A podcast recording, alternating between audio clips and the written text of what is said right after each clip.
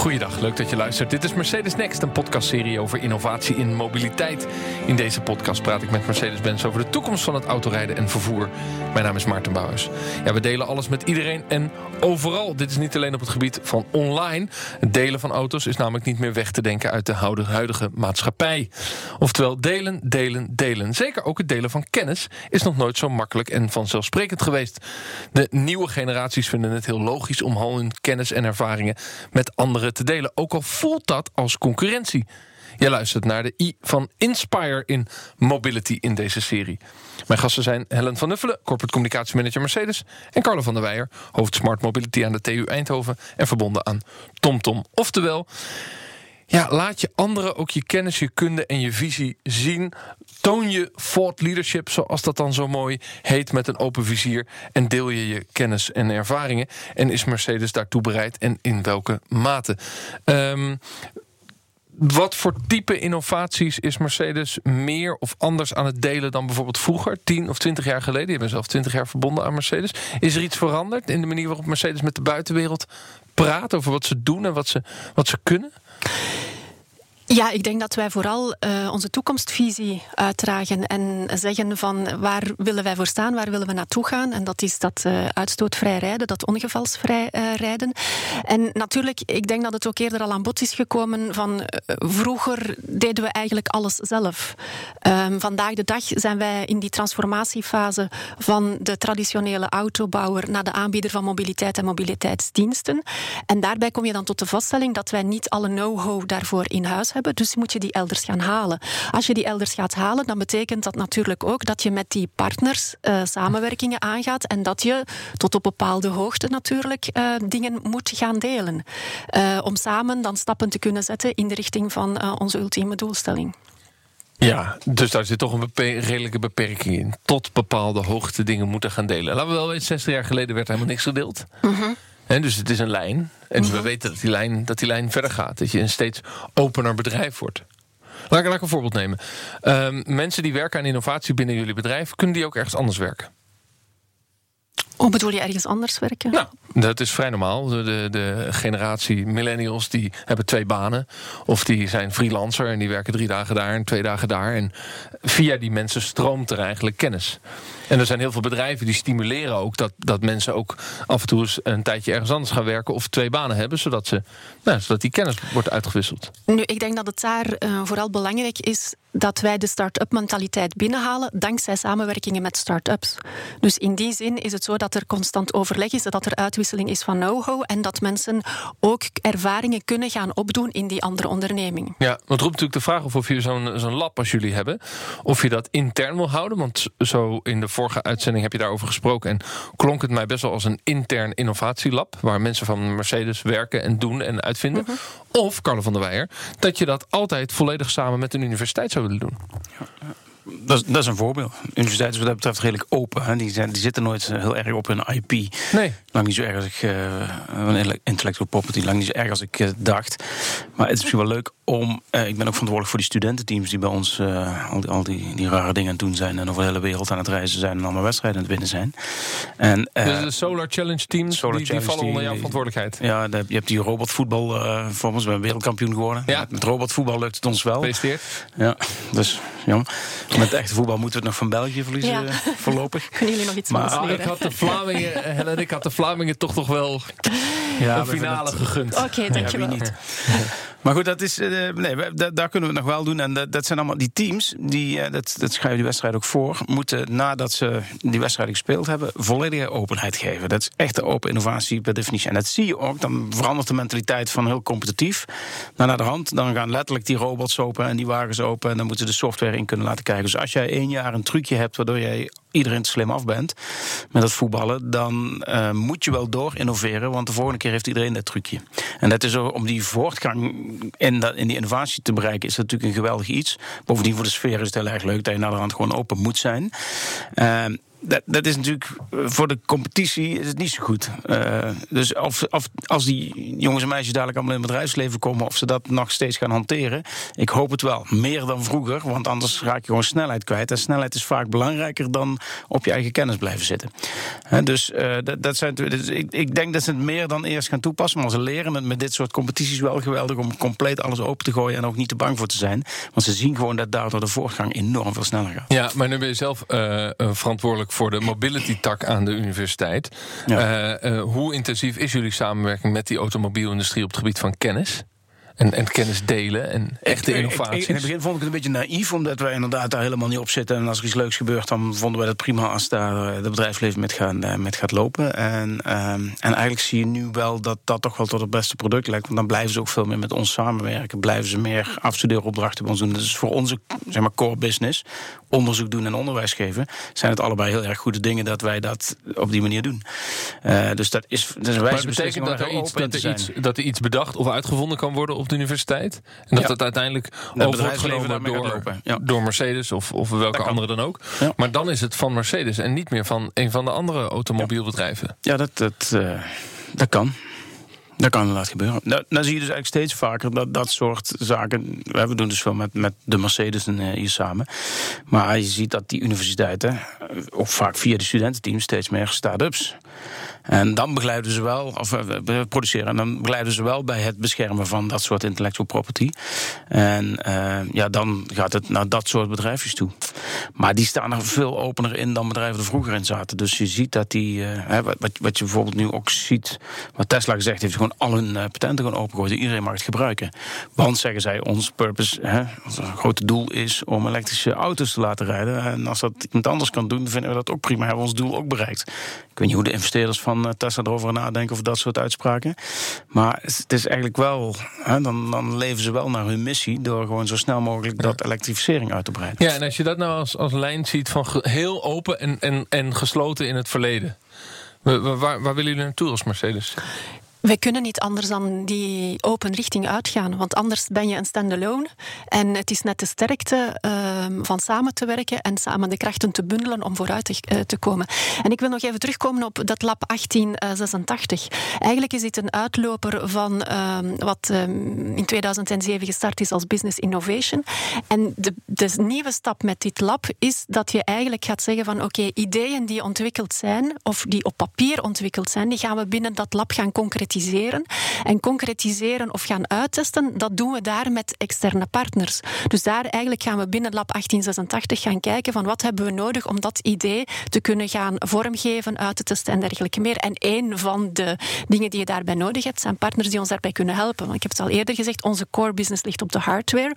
En de software, dat zijn dingen waarin we aan het leren zijn en ook uh, uh, informatie uh, ja, zelf moeten, moeten opdoen en elders gaan halen. Dus, dus jullie werken eh, bijvoorbeeld op die gebieden ook samen met, met start-ups. Eh, eh, maar ook met, met, de Googles, hè, heb je, heb je gezegd.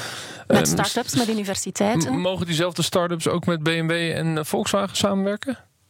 Ik ga ervan uit van wel, ja. Dat, dat, dat is net de essentie van open uh, platformen. Ja, maar ik kan me ook voorstellen dat, dat er een oude cultuur is van geslotenheid. Van joh, koop maar de helft van die aandelen van die start-up. We werken met ze samen, maar dan is het wel onze um, technologie. Misschien zal ik Mercedes-Benz of Daimler, het moederhuis van Mercedes-Benz en, en BMW werken ook samen. Ja, die hebben, die hebben, die hebben, die hebben hun deelplatformen hebben ze bij elkaar gezet. Nou, dat had je toch tien jaar geleden niet kunnen bedenken. Welk dus deelplatform de, de deelplatform van, van BMW en van Mercedes zijn samengegaan zodat ze even meer volume konden creëren. Ja, Daimler en, Mercedes en, uh, en uh, BMW hebben gezegd van kijk, wij gaan een nieuwe onderneming oprichten waarin we mobiliteitsdiensten samenbrengen. Waaronder als concrete voorbeeld de, de, de deelplatformen Drive Now en Car2Go. Ja. Uh, nu wil je als Mercedes uh, voorop lopen in innovatie. En dat wil, je, dat wil je al 130 jaar uitstralen. En dat verhaal wil je uh, ook nu weer vertellen. Um, hoe zorg je dat je de deur zo ver openzet dat je, um, laten we zeggen, ook door de, de wereld om je heen en misschien ook wel andere auto-industrie echt gezien wordt als ja, de partij om jaloers op te zijn. Dus dat je, dat je juist die kennis laat zien om te laten zien wat zij, zij zijn verder dan wij. Een beetje dat gevoel met die robots. Dat je na de wedstrijd dat je laat zien, kijk eens wat we gemaakt hebben. Hoe, hoe doe je dat? Ik denk dat dat vooral is door um, te vertellen waar we mee bezig zijn. En ook om te tonen wat de concrete resultaten zijn. Als je vandaag de dag in een, uh, in een auto stapt en uh, we hebben het daar straks al gehad over autonoom rijden je kan vandaag al voelen waar dat naartoe zou kunnen gaan. En ik denk dat dat eh, de beste manier is. Het heeft niet, uh, enerzijds vertel je een verhaal natuurlijk van waar willen we uh, ultiem naartoe, maar tegelijkertijd komt het er vooral op aan om, om aan te tonen dat dingen aan het bewegen zijn en aan het veranderen zijn. Als jij vandaag de dag in een van onze modellen stapt en je bent aan het rijden op, op bijvoorbeeld een autosnelweg en je wil een inhaalmanoeuvre doen, dan volstaat het om je knipperlicht te activeren en die auto doet de rest vanzelf. Dat zijn dingen die aantonen van kijk, ja. wij zijn met evolutie ja, dus je, bezig. Dus je laat het zien als het in de markt zit. Ja. Als, het, als het op de auto zit, zeg, want, kijk, Mercedes was de eerste met een auto. Als ze dat destijds ontzettend hard gepatenteerd hadden... waren zij de enige die auto's hadden kunnen maken... dan uh, waren nou nog steeds alle auto's van Mercedes geweest. Maar dan waren er heel weinig auto's geweest. Ja, en zeker niet de allerbeste. Nee, nee, nee, dan heb je geen concurrentie inderdaad. Dat klopt. Dan waren ze niet zo goed geweest als ze nu zijn. Bovendien, je kunt geen markt creëren door heel hard op je IP te zetten. Dus af en toe moet je het wel delen om de markt los te doen. Komen er wel eens andere partijen in het lab 1886 kijken? Andere bedrijven, andere bedrijfstakken? Ja, Absoluut, omdat dat, uh, ik zeg, onze core business is een auto. Maar er komt zoveel meer bij kijken ja. bij een auto dan alleen maar rijden. Nee, ik denk dat, bijvoorbeeld dat begrijp aan... ik, maar ik, ik, moet heel erg denken aan, aan... Er zijn honderdduizenden bedrijven die gaan naar Silicon Valley. Die doen een, een week lang Silicon Valley trip. Die gaat op bezoek bij Google en een bezoek bij Facebook. En, en dan zeggen de mensen uit Eindhoven, zeg, je moet naar Eindhoven komen. Want daar wordt de snelheid van, van technologie bepaald. Uh, um, maar die gaan naar Silicon Valley en, en, en daar kun je terecht. En dan zeggen ze bij Facebook en Google, je mag geen foto's maken. Maar je mag alles vragen en we gaan je wel een paar dingen vertellen... die, die je nog niet weet als gebruiker, zullen we maar zeggen. Ik bedoel, de, dat zou je eigenlijk willen als auto-industrie. Dat mensen zo naar jou kijken. Want die, die reizen worden geboekt omdat, omdat dat blijkbaar de partijen zijn die voorop lopen. Begrijp je mijn gedachte? Mm -hmm. dus dat je busladingen langs 1886 hebt. Ja, ik, ik, ik ga binnenkort met een bus uh, studenten naartoe. Volgens mij mag dat wel. Dat gaan we dadelijk regelen. En gaat er dan ook iets verteld worden wat, wat we niet pas zien als het op de auto zit? Want dat is een beetje mijn denken. Van, ga je ook dingen vertellen die, die je al weet en waar je mee bezig bent voordat ze op die productieauto zitten? Ik vermoed dat dat gebeurt. Ik heb, ik heb er nog nooit, uh, nog nooit bij geweest. Maar dat, dat kan niet anders. Want je bent met andere partijen ja. bezig om, om dingen te gaan zoeken. Om trends te analyseren. Om te gaan kijken van zouden dingen kunnen, kunnen werken. Natuurlijk is dat dan voorbehouden voor de mensen die, die er iets van af weten. Ja, het, het is allemaal pre-competitief wat daar gebeurt. En ja. dat is wel de essentie. Als het pre-competitief is, dan moet je wel samenwerken, anders komt zoiets nooit los. Op een gegeven moment, en dan moet je ook accepteren dat het competitief wordt, dan zal het waarschijnlijk achter de schermen worden getrokken. Als het iets is waar je inderdaad een, een verschil mee kunt maken. Oké, okay, dus dat is het onderscheid wat gemaakt en, en, wordt. En, pre ja, pre-competitief en competitief. Ja. En het pre-competitief gedeelte wordt over het allemaal wel steeds groter, breder, opener uh, dan het al was. En dat is wel prettig om te zien. En ik ben er redelijk van overtuigd dat zo'n lab 1886 uh, dat dat, dat, dat, dat pre-competitief is en dat dat daardoor ook wel heel erg open staat voor studenten. En maar dat kun je niet ja. allemaal zo heel erg beschermen. Ja. Dat moet je ook niet willen. Is het een strijd om de knappe koppen? Om te zorgen dat je ook de beste innovaties krijgt? Ja, het een hangt uh, onlosmakelijk samen met het andere. En het belangrijkste is om die innovaties en die technologische ontwikkelingen te hebben. Dus heb je natuurlijk de juiste mensen aan boord nodig. Ja. Is dat moeilijk? Moeilijk. Um, je, je, moet. Je moet uh, je Willen moet, de knapkoppen ja, graag bij Mercedes werken? Ja, ik denk het wel. Want we zijn toch nog altijd uh, in Duitsland uh, in de top drie van de, de aantrekkelijkste werkgever. Okay. Um, dus, dus wij hebben daar wel een, wel een hoge status. Um, niet voor niets is Daimler in nauw contact met heel veel universiteiten, zeker technische universiteiten overal ter wereld. dus ja, die strijd om de knappe koppen, die, die is wel aan de gang. Maar die, die is niet nieuw. Dat nu, is al nu zeggen veel Nederlandse IT-bedrijven en technologiebedrijven... ik kan uh, uh, niet voldoende knappe koppen vinden. Kijk, het schaap met de vijf poten, daar, daar, daar, zoeken we altijd naar. Maar ook gewoon slimme techneuten die, mm -hmm. die je nodig hebt. Uh, leidt er meer op. Nou, dat is een discussie in Nederland, de universiteiten. En, en, de, en de grote IT-bedrijven, um, die halen ze uit het buitenland heel veel. Uh, dat is gewoon hard nodig, anders, anders remt het hun groei, zullen we zeggen. Zie, zie je dat bij Mercedes ook? Um, het is zo dat onze, onze activiteiten verspreid zijn over de hele wereld. Dus het is zo dat wij research and development eh, centra hebben in alle uithoeken van de wereld. De belangrijkste zijn natuurlijk uh, Silicon Valley, Bangalore in, in India en dergelijke meer. Maar wij hebben ja, op alle continenten zijn we aanwezig om op die manier. En in die zin gaat het automatisch, dat je overal de knappe koppen vandaan kunt halen. Ja, automatisch is misschien net iets uh, te gemakkelijk gezegd. Maar je hebt natuurlijk wel die aantrekkingspolen om, ja, om met mensen in contact contact te treden en om de relaties te onderhouden. Ja. Ja, en uh, willen de studenten graag bij Mercedes werken? Ja, de automotive industrie over het algemeen krijgt wel wat extra punten als, uh, als ze moeten kiezen. Maar het is inderdaad wel zo dat uh, het is wel typisch dat de voortgang van al die technologie, waar we het nou al een paar keer over gehad hebben, dat is, wordt niet beperkt door de budgetten die ervoor zijn of de technische mogelijkheden. Het wordt beperkt door het aantal mensen dat je kunt vinden om eraan te gaan werken. De voortgang van bijvoorbeeld autonoom rijden en elektrisch rijden. Hoeveel mensen kun je vinden om dat allemaal te gaan ontwikkelen? Ja, dus het kan sneller als we meer knappe koppen hebben. Daar komt het eigenlijk wel op neer, ja. En dus het is een zoektocht, maar dat is natuurlijk niet alleen in deze industrie. We hebben heel veel industrie die in die hoek zit. Het, het, is, het verschil wordt steeds meer gemaakt door software en embedded systemen en dat soort zaken. Dat, uh, ja, de, die auto is nu ook een softwareplatform geworden. Dus die vecht op diezelfde markt mee als waar ASML en al die ICT-bedrijven op dit moment aan het vechten zijn. En daar kunnen we inderdaad een paar duizend keer meer van gebruiken dan wij kunnen afleveren. Ja, want een auto is software op wielen. En hoe, hoezeer ervaren jullie die concurrentie dat die eigenlijk veel breder is dan, dan binnen de auto-industrie? Ook qua, qua de war on talent bijvoorbeeld?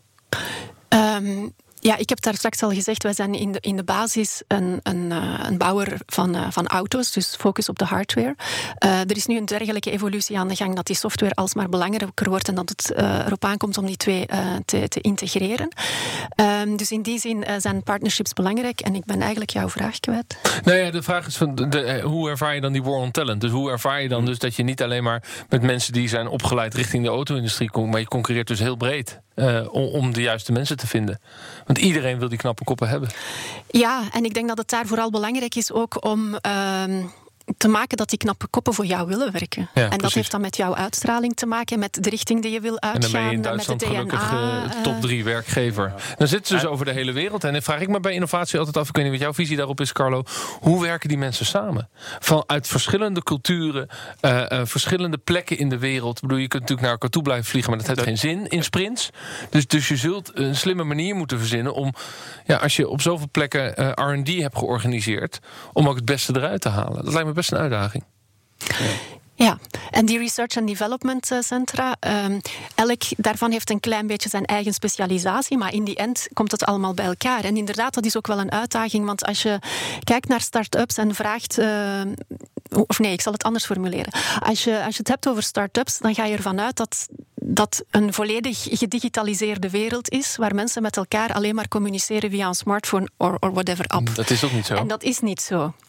Uh, dus, dat, dus de sterkte daarvan is dat zij uh, innoveren en nieuwe ideeën bedenken door met elkaar te praten. Natuurlijk, als je in een onderneming zit waar 280.000 mensen werken, dan, zoals je daarnet zei, kan je niet uh, voor om het even wat het vliegtuig nemen, de trein of de auto instappen. dus moet je andere systemen bedenken om met elkaar te communiceren. En ja, ook daarvoor komen we dan weer bij IT uit natuurlijk. ja, straks is het zo groot dat jullie op twee plekken het buskaart uitvinden. ja, en dat je het niet van elkaar weet. Ja, en dat moet je koesteren af en toe. Dat, dat, is dat gezond? Ja, dat, ja dat, is, dat, moet je ook niet te erg vinden. Dat is, als, als buskruid inderdaad uitgevonden moet worden... is het best wel knap dat dat op twee plekken tegelijkertijd gebeurt. Dan heb je een goede organisatie. Af en toe moet je dat soort dingen niet te erg vinden. Ik, wat je ook zei, dat, dat samenwerken van verschillende culturen... zien die generatie wel bijna als randvoorwaardelijk. Dat is zo verschrikkelijk geen probleem. Of bijna zelfs, ja, ze willen dat ook wel. Dat is gewoon een extra waarde en een extra reden om daar te gaan werken. En dat krijg je in die automobielindustrie ook bijna impliciet mee. Dus dat is een van de redenen waarom ze waarschijnlijk zo hoog scoren met, uh, met werkgeverpopulariteit. Want het is ondanks dat wat je heel vaak leest, blijft die auto ook nog wel wat aantrekkingskracht aan de jongeren uh, uitstralen. En dat wordt vaak anders gedaan. Dat wordt dat beweert, dat wordt niet onderschreven door cijfers. Dus uh, dat helpt er ook wel bij. Het is wel iets seksies om aan te werken. Ik kan me voorstellen, helemaal tot slot, we hebben het over innovatie in deze hele show.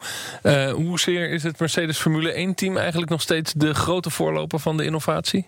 Of is het meer lab 1886 tegenwoordig wat de nieuwste innovatie moet brengen? Ik denk niet dat het het een of het ander is. Het is, het, het is beide. Um, en in de Formule 1, uh, traditioneel worden daar nieuwe dingen getest, die dan vroeg of laat uh, in onze personenwagens, uh, in jouw auto, in mijn auto, worden geïntroduceerd. Dus het is geen of-of verhaal. Ik denk dat innovatie een en-en verhaal ja. is. Maar jullie zijn lekker bezig daar met Hamilton en de afgelopen jaren met de prijzen winnen. Ja. is dat nog steeds belangrijk voor die klassieke auto-industrie om zo'n raceteam te hebben? Ja, zeker voor de marketing, denk ik.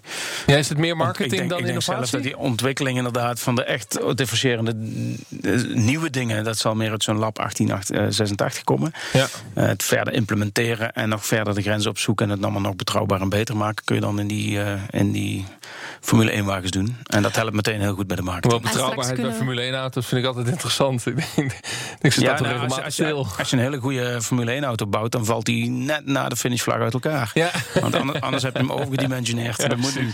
Ja, en straks kunnen we natuurlijk ook de nieuwe technologie gaan toepassen in de Formule E. Dus, uh, want ook Ja, daar net gaan we andersom. Ja, straks- dat is wel aan het groeien. Mist, Ja. mist een beetje geluid, zou mijn eh, collega Bas van Werven zeggen. Maar, maar dat tezijde. Eh goed, dankjewel jongens. Eh, Helle van Nuffelen, Corporate Communicatiemanager bij Mercedes-Benz... en Carlo van der Weijer, hoofd Smart Mobility aan de TU Eindhoven... en verbonden aan TomTom. In de volgende aflevering van deze podcastserie Mercedes Next... praat ik met mijn gasten over de razendsnelle innovaties op het gebied van mobiliteit. Hoe gaat de samenleving daar eigenlijk mee om? Hè? We hebben veel gepraat over het autonoom rijden en het elektrisch rijden. Wat wil de mens zelf? Deze aflevering staat er voor je klaar op de site van Mercedes. Mijn naam is Maarten Bouwers. Bedankt voor het luisteren. Dag!